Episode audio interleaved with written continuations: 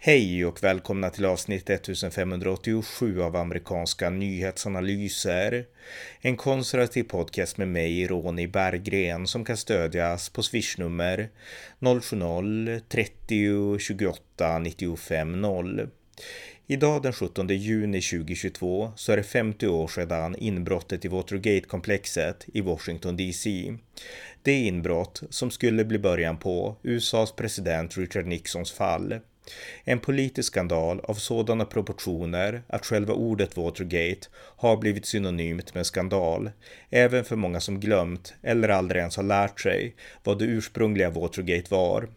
I detta avsnitt inleder jag en serie om Watergate-skandalen och börjar med dess huvudperson Richard Nixon. Varmt välkomna! Ja, jag tänkte då så här 50 år senare ta tillfället i akt att berätta lite mer ingående om den skandal som alla känner till namnet på, men som kanske inte lika många känner till i detalj. Och den här skandalen, alltså Watergate-skandalen, den centrerar helt och hållet kring en person, kring ingen mindre än USAs 37 president Richard Nixon. Så låt mig berätta om Watergate med start hos Richard Nixon och berätta historien om vem han var. Richard Nixon, han föddes den 9 januari 1913 i staden Yorba Linda i Kalifornien. Han hade fyra bröder, varav en av bröderna dog som barn och en annan broder levde ända till 2019. Och fyra av de fem bröderna i familjen hade getts namn efter brittiska kungar. Och eh, Richard Nixon då, han hade fått namn efter ingen mindre än korsfararen Rickard Lejonhjärta. Och eh, Nixons far, han hette Francis A. Nixon. Han drev en citronodling och en bensinmack och kom från tämligen enkla förhållanden. Vilket också skulle påverka sonen Richard Nixon i dennes förståelse av sig själv. Eh, Richard Nixon, han gick på en high school som hette Whittier High School i staden Whittier och eh, han var väldigt flitig. Han pluggade flitigt och var en duktig elev. Eh, och han kandiderade där också till studentorganisationens president. Men han förlorade då mot en mer populär elev. Och det här med att inte känna sig populär eller kanske omtyckt, det är någonting som som senare skulle prägla Nixon även längre fram i livet. Denna staden Whittier, där han gick i high school, det var också en speciell stad. Namnet hade kommit från en poet som hette John Greenleaf Whittier. Och John Greenleaf Whittier, han var kväkare, Alltså han tillhörde den här protestantiska sekten som hade uppkommit efter reformationen och kommit från England till Nordamerika till USA med William Penn, grundaren av Pennsylvania. Och eh, den eh, formen av kristendom hade kommit till USA då, eller Nordamerika, de engelska kolonierna 1682 och eh, sen likt alla andra människor och alla andra rörelser rört sig västerut. Och eh, till slut så hade kväkarna blivit stora även på västkusten då där Richard Nixon växte upp och eh, inom kväkarna så betonade man eh, sociala frågor delvis. Man var väldigt tydliga med att man var emot slaveriet, man var emot rasism, man var emot dödsstraff och man var också pacifister. Och inga av de här sakerna var helt jättesjälvklara i USA alltid. Men eh, kväkarna stod för det här. Eh, sen stod de också för en specifik livsstil. Eh, man betonade återhållsam klädsel, avhållsamhet, förbud mot dans och eh, spritdryck och man svor inte heller. Och det var så Richard Nixon växte upp.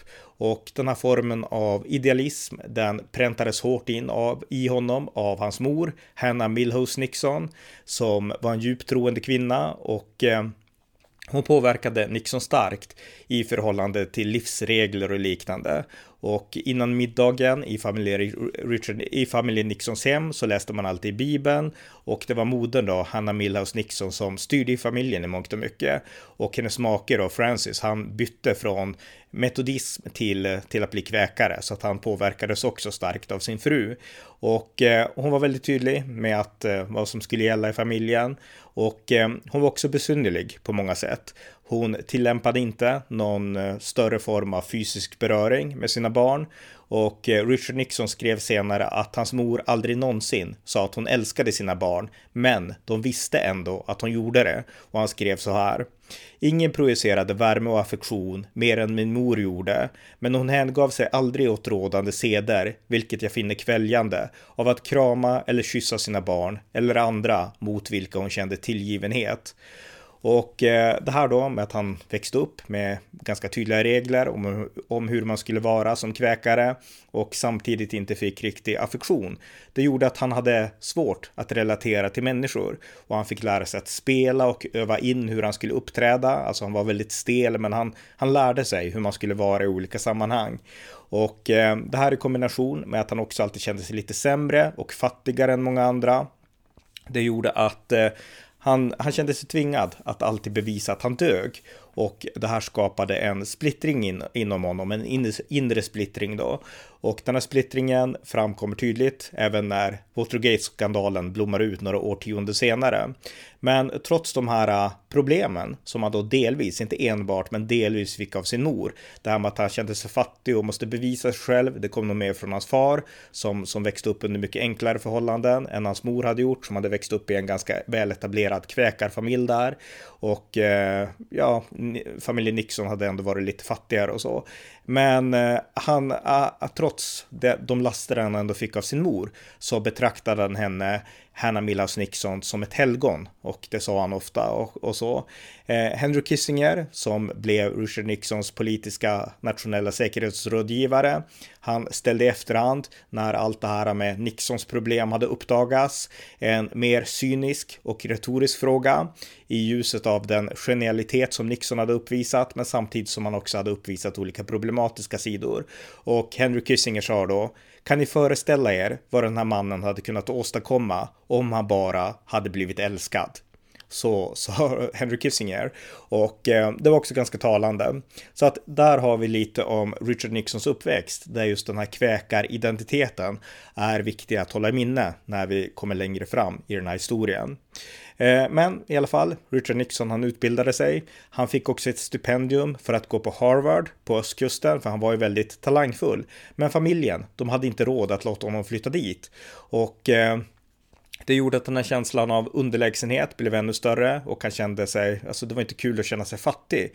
Och eh, ja, han fick istället för att åka till Harvard gå på Whittiers High School, eh, alltså, eller Whittiers College efter high school.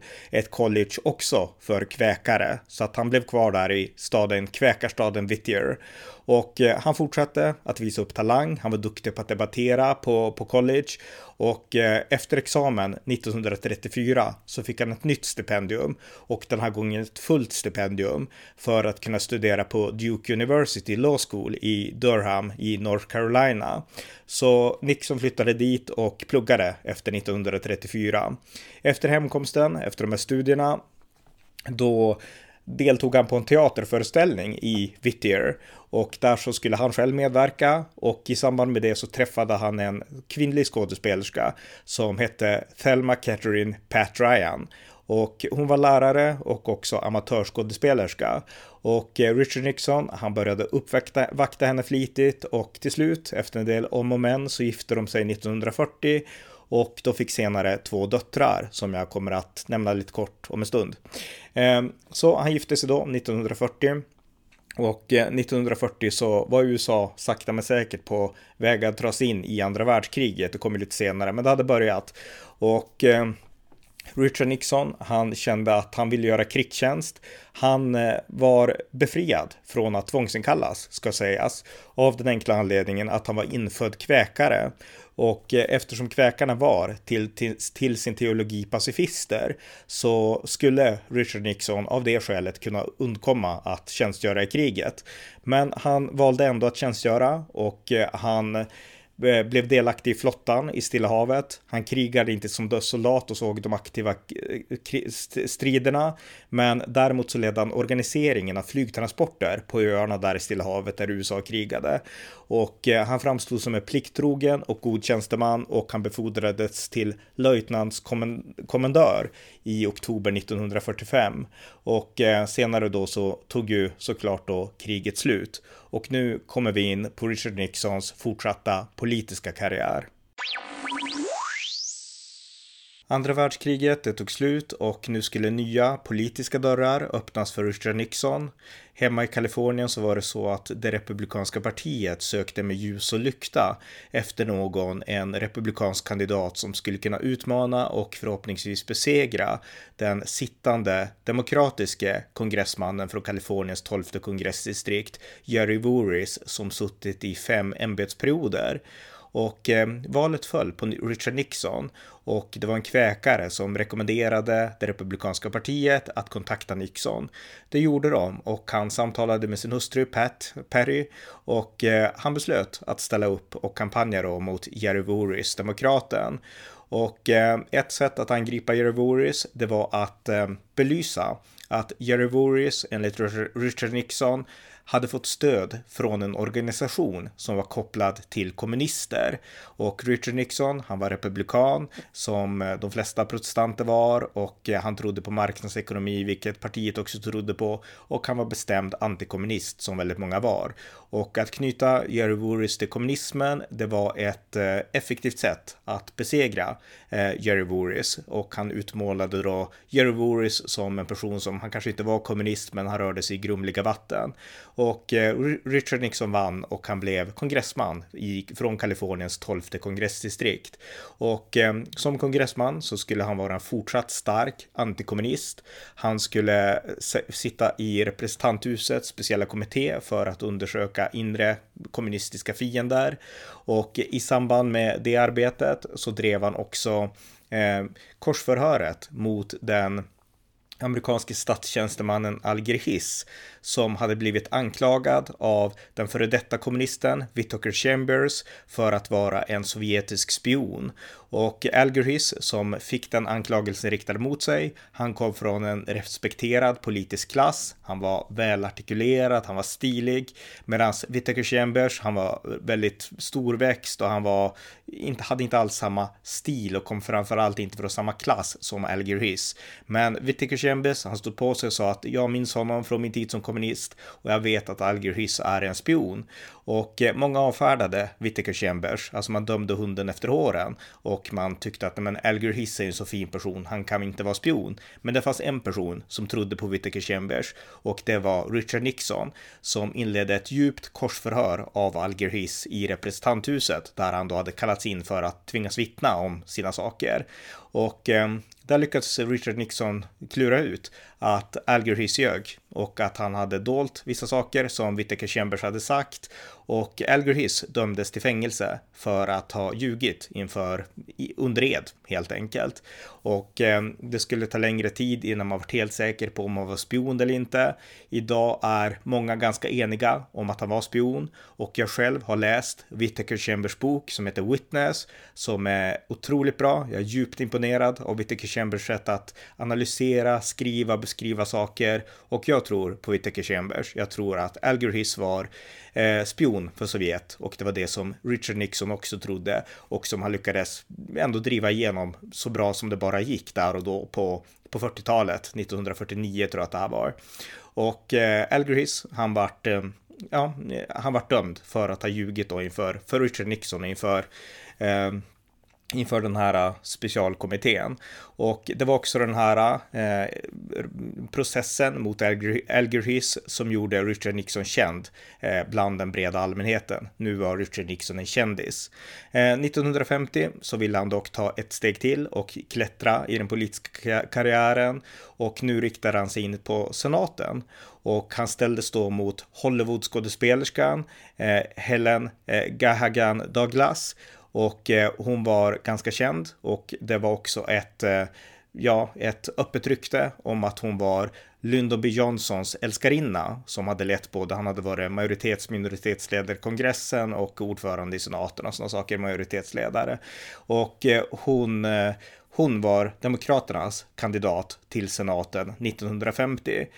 Och hon hade dessförinnan under våren utkämpat ett bittert demokratiskt primärval eh, mot eh, sin rival Manchester Body och han hade varit ägare av Los Angeles Daily News och han hade anklagat Helen Gehagan Douglas för att sympatisera med Sovjetunionen.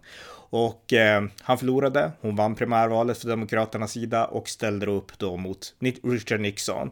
Och det här med att hon kanske hade sympatiserat med Sovjetunionen, det passade Nixon som handen i handsken. För det här var ett spel han kände till. Han var en tydlig uttalad antikommunist och han drev nu samma slags kampanj som han hade gjort i kampen om kongressplatsen, nämligen att beskriva Helen, Helen Gahagan Douglas som en Sovjetsympatisör och eh, en person som eh, som, som helt enkelt inte var värdig att vara senator.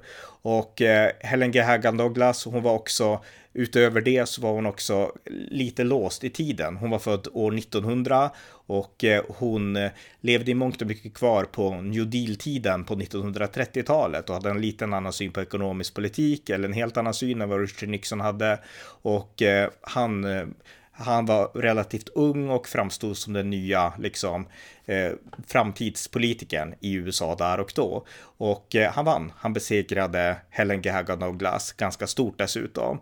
Men det var ju den här kampanjen som han fick ett smeknamn. Tricky Dick kallades han. Alltså den här, eh, vad ska man säga, Tricky Dick, lömske Dick ungefär. Och ordet Dick som man kan liksom anspela på på olika sätt. Det var ett smeknamn som hans mor hade förbjudit när han var barn. Han skulle bara heta Rickard. Han skulle aldrig kallas för Dick. Men det blev han i alla fall när liksom det politiska livet började.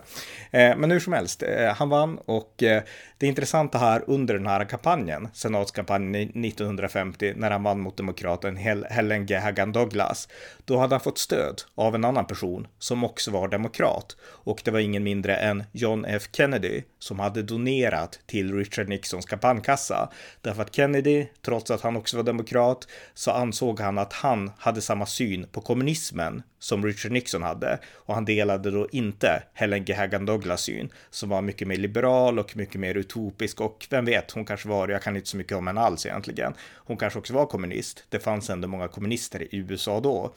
John F Kennedy och Richard Nixon, de hade både tjänstgjort i Stilla havet och var tydliga patrioter, även om de tillhörde olika partier.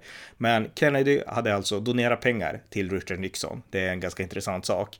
Och eh, som senator då så var Richard Nixon en fortsatt tydlig antikommunist såklart. Eh, men ett nytt tillfälle skulle öppna sig och det var i presidentvalet 1952. Då blev republikanernas pre kandidat, presidentkandidat Dwight Eisenhower, den kände krigsgeneralen från andra världskriget som hade lett de amerikanska styrkorna och de allierade vid invasionen av Normandy och eh, han blev republikanernas eh, presidentkandidat och han rekommenderades av en grupp, jag tror det var en grupp senatorer, att välja den här unge, väldigt motiverade, intellektuelle och eh, ja, engagerade eh, senatorn Richard Nixon till sin vicepresidentkandidat. Och eh, det gjorde Dwight Eisenhower. Och eh, till en början så var det väl inte så märkvärdigt. En ung liksom framtidspersonlighet som sin running mate väldigt bra. Men det dök upp anklagelser väldigt tidigt om att Richard Nixon, alltså Dwight Eisenhowers running mate i presidentvalet 1952, hade en fond med pengar som skulle ge ersättning till politiska utgifter, alltså en fond på sidan om. Och det här var lagligt, men det framstod ändå inte bra. Och det framstod som att om man hade en sån här äh, privat fond på sidan där privata intressen fick stoppa in pengar då kunde det öppna upp för politiska kompromisser. Och det här visade att äh, Eisenhower hade ett dåligt omdöme så valde en sån person som sin running mate. Så Eisenhower började nu känna press på att droppa Richard Nixon som sin running mate och det här fick Richard Nixon att, eh, ja, han behövde snabbt komma på en plan. Vad ska jag ta mig till för att inte liksom sparkas ut av Eisenhower, som han såg upp till dessutom och som nu hade gett honom en plattform för nästa steg i sin politiska karriär. Så vad Richard Nixon lät göra, det var att han lät gå ut i direktsändning i tv den 23 september 1952 Och vid den här tidpunkten så var ju tv något ganska nytt i USA och eh, det fanns eh, inte massa kanaler som det finns nu och sådär och man var tvungen att sitta just vid den tidpunkten som tv-sändningen visades. Så att väldigt många, de såg live den här sändningen när Richard Nixon i direktsändning pratar om de här anklagelserna om eh, ja, att han tar in privata pengar och att han kanske liksom skulle kunna bli mutad och så. Han håller ett tal i alla fall där han försvarar sig. Och talet kallas eh, Checkers speech, Checkers tal. Och Checkers det är namnet på Nixon-familjens hund. Och eh, Nixon säger helt enkelt att eh, ja, jag vet att jag blev anklagad för mycket, men min fru, hon bär ingen päls, utan hon bär bara en republikansk mantel ungefär, säger han. Och eh, vi har fått en sak. Eh, jag tar inte emot muter, men en sak har vi fått och det är att mina döttrar har fått en hund och den hunden heter Checkers och den tänker jag inte lämna tillbaks. Här är ett klipp från Richard Nixons klassiska tal 1952. Well, that's about it. That's what we have, and that's what we owe. It isn't very much, but Pat and I have the satisfaction that every dime that we've got is honestly ours. I should say this that Pat doesn't have a mink coat, but she does have a respectable Republican cloth coat. And I always tell her that she'd look good in anything. One other thing I probably should tell you, because if I don't, they'll probably be saying this about me too. We did get something, a gift, after the election. A man down in Texas heard Pat on the radio mention the fact that our two youngsters would like to have a dog. And believe it or not, the day before we left on this campaign trip, we got a message from the Union Station in Baltimore saying they had a package for us. We went down to get it. You know what it was? It was a little Cocker Spaniel dog in a crate that he'd sent all the way from Texas. Black and white, spotted. And our little girl, Tricia, the six year old, named it Checkers. And you know, the kids, like all kids, love the dog. And I just want to say this right now that regardless of what they say about it, we're going to keep him. Och eh, det är alltså i det här talet som han nämner sina två döttrar och deras hund Checkers. Och det här talet gjorde att han charmerade en stor del av den amerikanska befolkningen. Dwight Eisenhower beslöt att behålla Richard Nixon som sin running mate. De kandiderade och de vann presidentvalet 1952. Dwight Eisenhower blev president och Richard Nixon blev hans vicepresident. Eh, men i mångt och mycket så var det på den tiden så var vicepresidentämbetet fortfarande en ganska svag position och eh, Eisenhower betraktade i princip Nixon som var mycket yngre som en slags portföljbärare, alltså ingen person som han fanns där, men det var inte liksom någon speciell person, utan han kunde bära Eisenhowers portfölj i princip.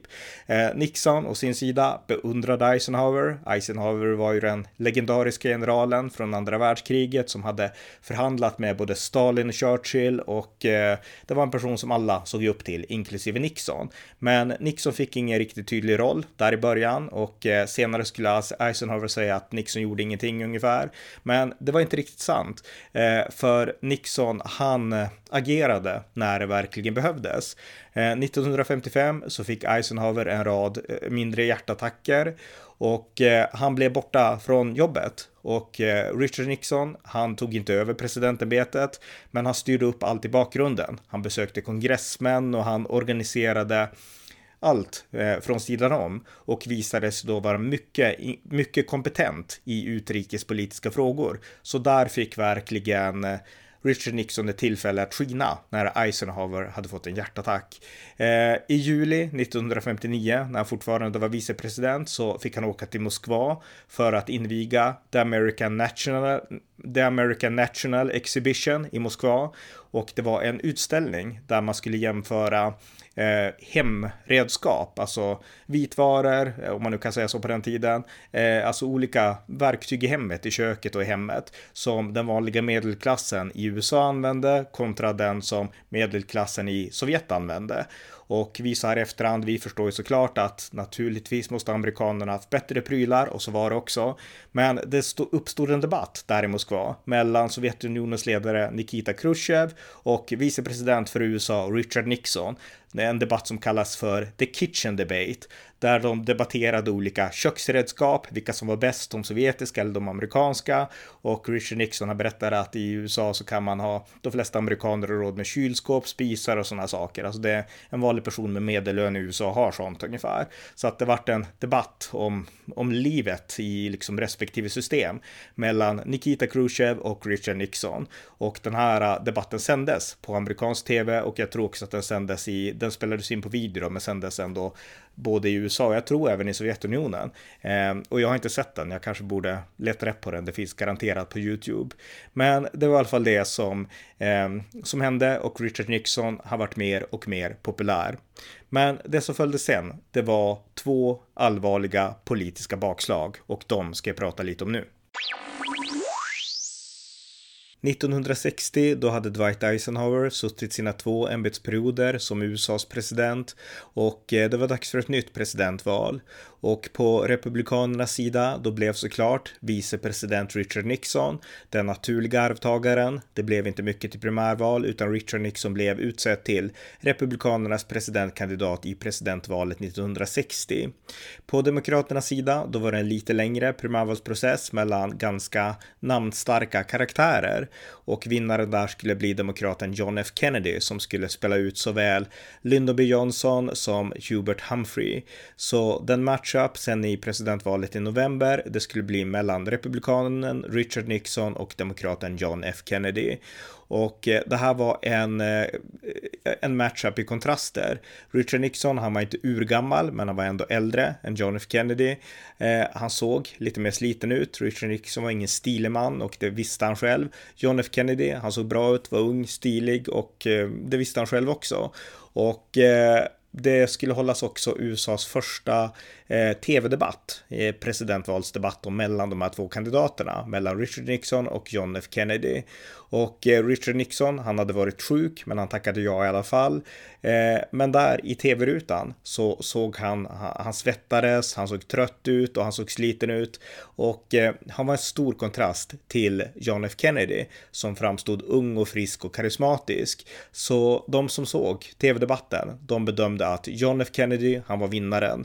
De som däremot bara lyssnade på radion, de bedömde att lyssnar man bara på det som sägs så är ju Richard Nixon vinnaren. Eh, så att det var lite olika bilder här. Och så här i efterhand så var det förmodligen ett misstag av Richard Nixon att ställa upp på den här tv-debatten. Men vi ska komma ihåg att det var tv-framträdandet 1952, The Checker Speech, som hade räddat honom, som gjorde att han kunde bli vicepresident. Så han trodde och hoppades väl att det här skulle kunna gynna honom också, att ställa upp i tv igen. Och eh, vi kan spela ett klipp här från tv-debatten. First question for Vice President Nixon. Thank you, Quincy. Mr. Vice President, Senator Fulbright, and now tonight Senator Kennedy, maintain that the administration is suppressing a report by the United States Information Agency that shows a decline in United States prestige overseas. Mr. Cronkite, I naturally am aware of it because I, of course, pay attention to everything Senator Kennedy says. I want to point out that the facts simply aren't as stated. America's prestige abroad will be just as high as the spokesman for America allow it to be. Now, when we have a presidential candidate, for example, Senator Kennedy, stating over and over again that the United States is second in space, and the fact of the matter is that the space score today is 28 to 8. We've had 28 successful shots, they've had 8. When he states that we're second in education, and I have seen Soviet education, and I've seen ours, and we're not, that we're second in science, because they may be ahead in one area or another, when overall we're way ahead of the Soviet Union and all other countries in science. When he says, as he did in January of this year, that we have the worst slums, that we have the most crowded schools, when he says that 17 million people go to bed hungry every night, when he makes statements like this, what does this do to American prestige? Well, it can only have the effect, certainly, of reducing it. Let me make one thing clear. Senator Kennedy has a responsibility to criticize those things that are wrong, but he has also a responsibility to be right in his criticism. Every one of these items that I've mentioned, he's been wrong, dead wrong. Comment, Senator Kennedy? I really don't need uh, Mr. Nixon to tell me about what my responsibilities are as a citizen. I've served this country for 14 years in the Congress and before that in the service. I have just as high a devotion, just as high an opinion. What I downgrade, Mr. Nixon, is the leadership the country's getting, not the country. Now, I didn't make most of the statements that you said I made. I believe the Soviet Union is first in outer space. We may have made more shots, but the size of their rocket thrust and all the rest. You yourself said to Khrushchev, you may be ahead of us in rocket thrust, but we're ahead of you in color television, in your famous discussion in the kitchen. I think that color television is not as important as rocket thrust. Secondly, I didn't say we had the worst slums in the world. I said we had too many slums, and that they are bad, and we ought to do something about them. And we ought to support housing legislation, which this administration has opposed. I didn't say we had the worst education in the world. What I said was that 10 years ago, we were producing twice as many scientists and engineers as the Soviet Union, and today they're producing twice as many as we are, and that this affects our security around the world. And fourth, I believe that the polls and other studies and votes in the United Nations and anyone reading the paper and any citizen of the United States must come to the conclusion that the United States no longer carries the same image of a vital society on the move with its brightest days ahead as it carried a decade or two decades ago. Part of that is because we've stood still here at home, because we haven't met our problems in the United States, because we haven't had a moving economy. Det var ett klipp från den klassiska tv-debatten som Richard Nixon trodde att han skulle vinna, men det gick inte mot John F Kennedy. Och eh, Richard Nixon förlorade valet, men det var extremt små marginaler i förlusten mot John F Kennedy i presidentvalet 1960. Eh, John F Kennedy fick 34,2 miljoner röster och Richard Nixon 34,1 miljoner röster. Så extremt jämnt.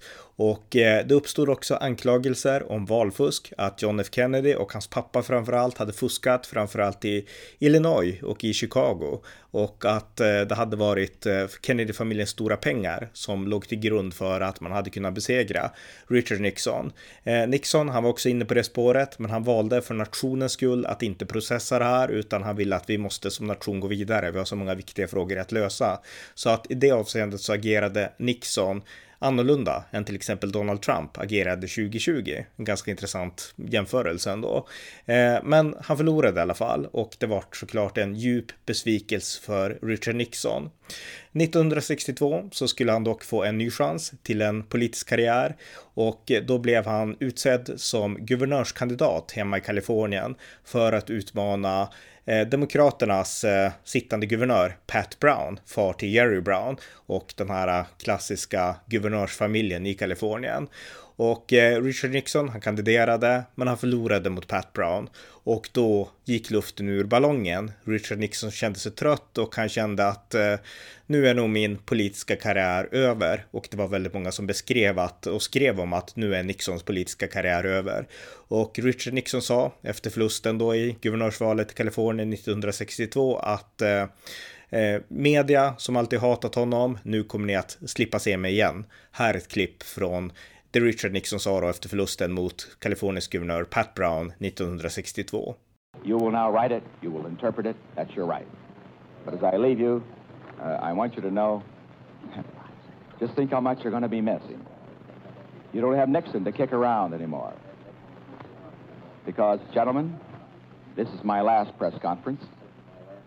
Och eh, det här citatet, You don't have Nixon to kick around anymore, det har ju blivit en klassiker, både för att eh, illustrera kanske i viss mån en dålig förlorare, men också den här känslan som Nixon alltid bar, att alla alltid var ute efter honom. Och när vi kommer in på Watergate så kommer den här känslan att liksom beskrivas ännu mer ingående. Men man kan skönja de här bitarna hela tiden i det här uttalandet och i hans uppväxt och så här att det fanns sidor av Richard Nixon som när det var väldigt illa ställt kunde ta sig otroligt destruktiva uttryck. Det här var ju en väldigt mild sak då, men ändå en indikation åt, åt vilka sidor och tendenser som ändå fanns under ytan hos Richard Nixon. Så det var lite om hans två förluster, förlusten i presidentvalet 2000, 1960 eh, och och eh, förlusten i guvernörsvalet 1962. Och eh, nu ska vi gå vidare till när han ändå tog nya tag och faktiskt vann presidentskapet. Efter förlusten i guvernörsvalet 1962 så flyttade Nixon till New York och därifrån så fortsatte han att agera som en röst som var kritisk mot demokraternas och Kennedy-administrationens utrikespolitik. John F Kennedy, han skulle ju dock inte leva så länge som president utan mördas eh, 1963 i november efter bara tre år som president och hans vicepresident Lyndon B Johnson skulle ta över. Året därefter, 1964, så var det dags för ett nytt presidentval då i USA och och eh, Nixon insåg att nu har demokraterna stor sympati på grund av mordet på John F Kennedy och eh, det finns stora sympatier med den kvarvarande Kennedy-administrationen. Så att han insåg att det skulle bli svårt att besegra eh, Kennedys arvtagare Lyndon B Johnson i ett presidentval. Så Nixon ställde inte upp. Det berodde också på en del andra faktorer, men han ställde inte upp. En som ställde upp däremot, det var den konservativa kandidaten Barry Goldwater som hade börjat bli en standardbärare för de här unga konservativa republikanerna som var mer konservativa än Nixon. Och eh, Barry Goldwater blev republikanernas presidentkandidat 1964. Eh, Nixon kampanjade för Barry Goldwater, men Barry Goldwater förlorade stort mot Lyndon B Johnson och Nixon hade haft rätt. Efter mordet på John F Kennedy så skulle republikanerna inte kunna vinna 1964. Så Nixon avstod och ägnade sig åt andra saker. Och eh, rent privat så hände det en intressant sak. 1967 så förlovade sig hans dotter Julie med ingen mindre än hans tidigare chef, president Dwight Eisenhowers barnbarn David Eisenhower. Så att eh, de här två familjerna fick en släktrelaterad koppling här då. Eh, sen under hösten 67 så började det bli dags också för ett nytt presidentval 1968 och eh, Nixon han svettades och han funderade ska jag ställa upp eller inte och han rådfrågade ingen mindre än den kristna profilen Billy Graham som tyckte att jo men Nixon ställde upp. Så Nixon beslöt att ställa upp i presidentvalet 1968. Och eh, 1968, det var ju ett stort kaotiskt år, ett omvälvande år för hela västvärlden, men kanske framförallt USA. Eh, kriget i Vietnam, det sög upp egentligen allt syre när det kom till amerikansk utrikespolitik. Det var ett krig som hade initierats sakta under Kennedy-administrationen och sen blommat ut och nått sin kulmen under Johnsons presidentskap och det ledde också mycket till att Johnson beslöt att, att avgå därför att det var enorma protester på hemmaplan mot kriget. Amerikaner tvångsinkallades ju då på den tiden och eh, Många amerikaner dog i Vietnam. Man visste inte exakt vad man krigade för och eh, det fanns också enorma motsättningar inom landet. Dels i förhållande till kriget, men även i förhållande till nord och syd, där medborgarrättsrörelsen under ledning av Martin Luther King eh, demonstrerade och kämpade för jämlikhet och eh, delstaterna i söder motsatte sig honom i mångt och mycket.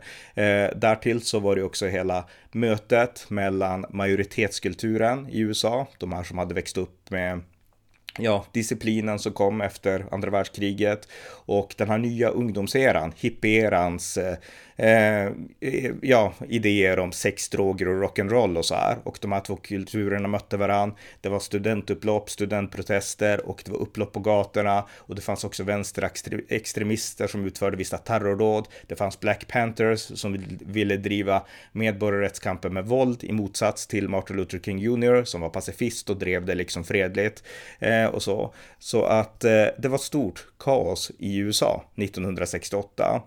Och eh, i mars 1968 så, ja, eh, så pålyste president Johnson att han inte tänkte söka en andra mandatperiod. Eh, och han kände sig besviken. Han tyckte att den amerikanska allmänheten inte förstod honom. Och Vietnamkriget gjorde helt enkelt att det blev Lyndon B Johnsons sänke. Men när Lyndon B Johnson, den sittande presidenten, då sa att han inte skulle ställa upp så gjorde ju det lättare för andra kandidater istället. Så att eh, nu blev det ett större spel på Demokraternas planhalva om vem som skulle efterträda Lyndon B Johnson. Robert F Kennedy, John F Kennedys lillebror Bobby, han eh, ställde upp i Demokraternas primärval.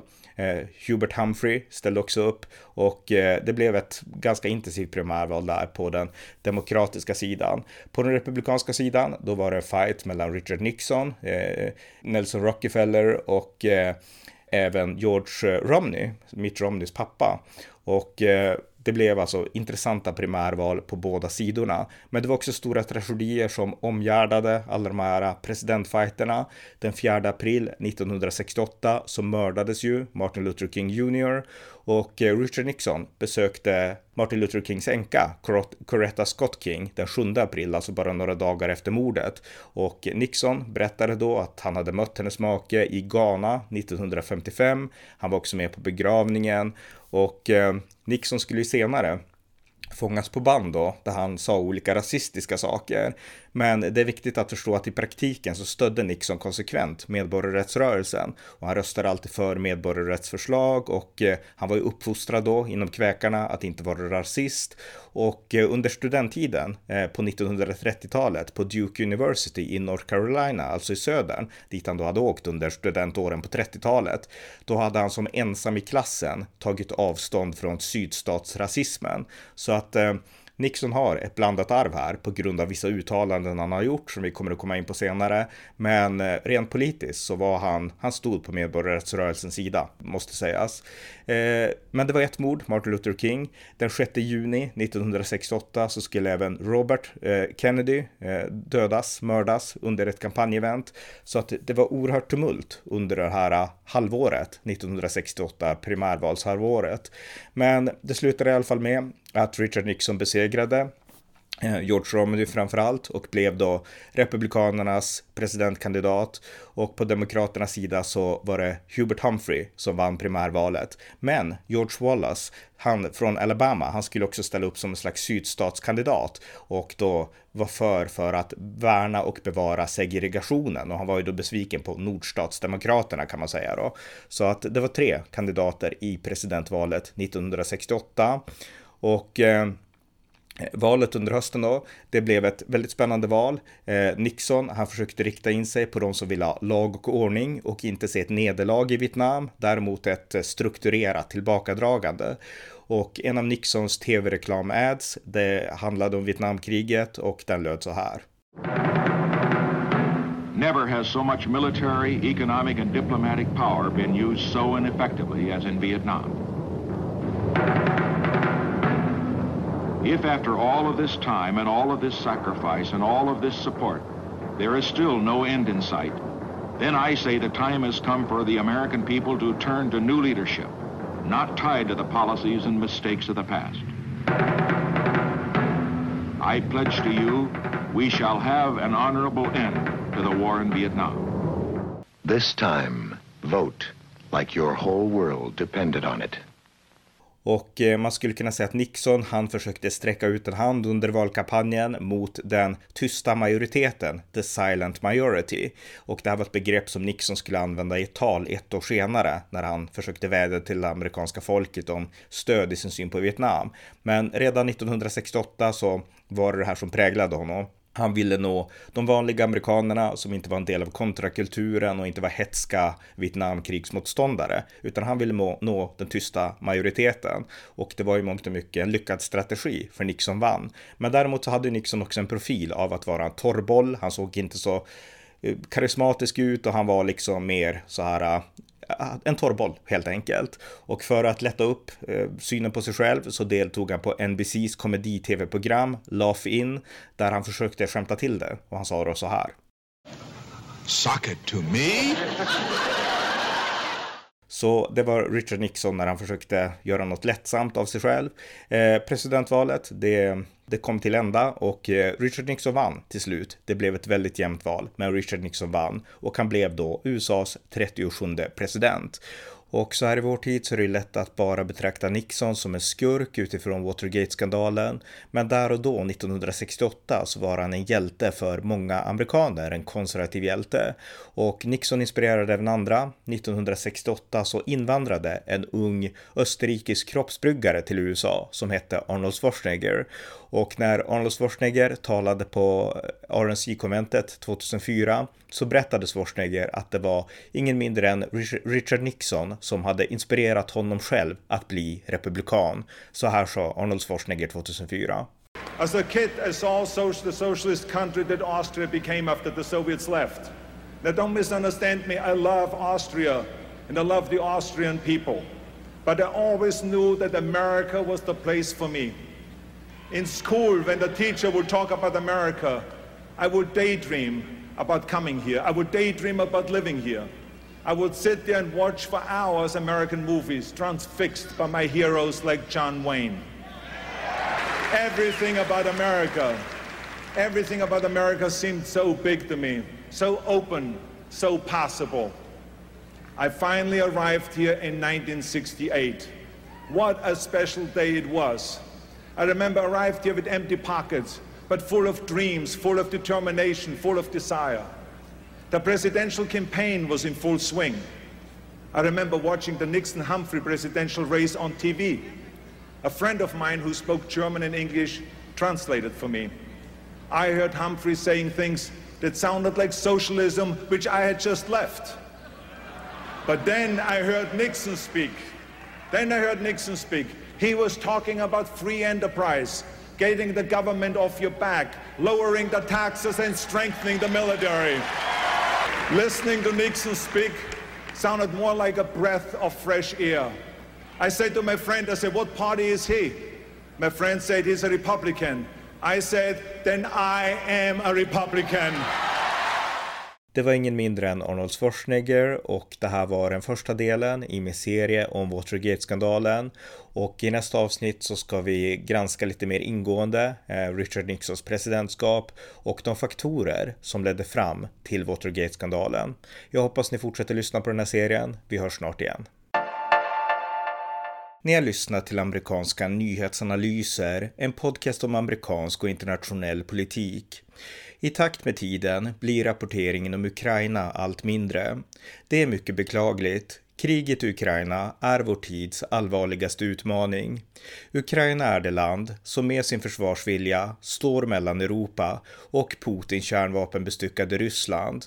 Och även om Ryssland idag inte konventionellt kan anfalla övriga Europa så väntar också en morgondag.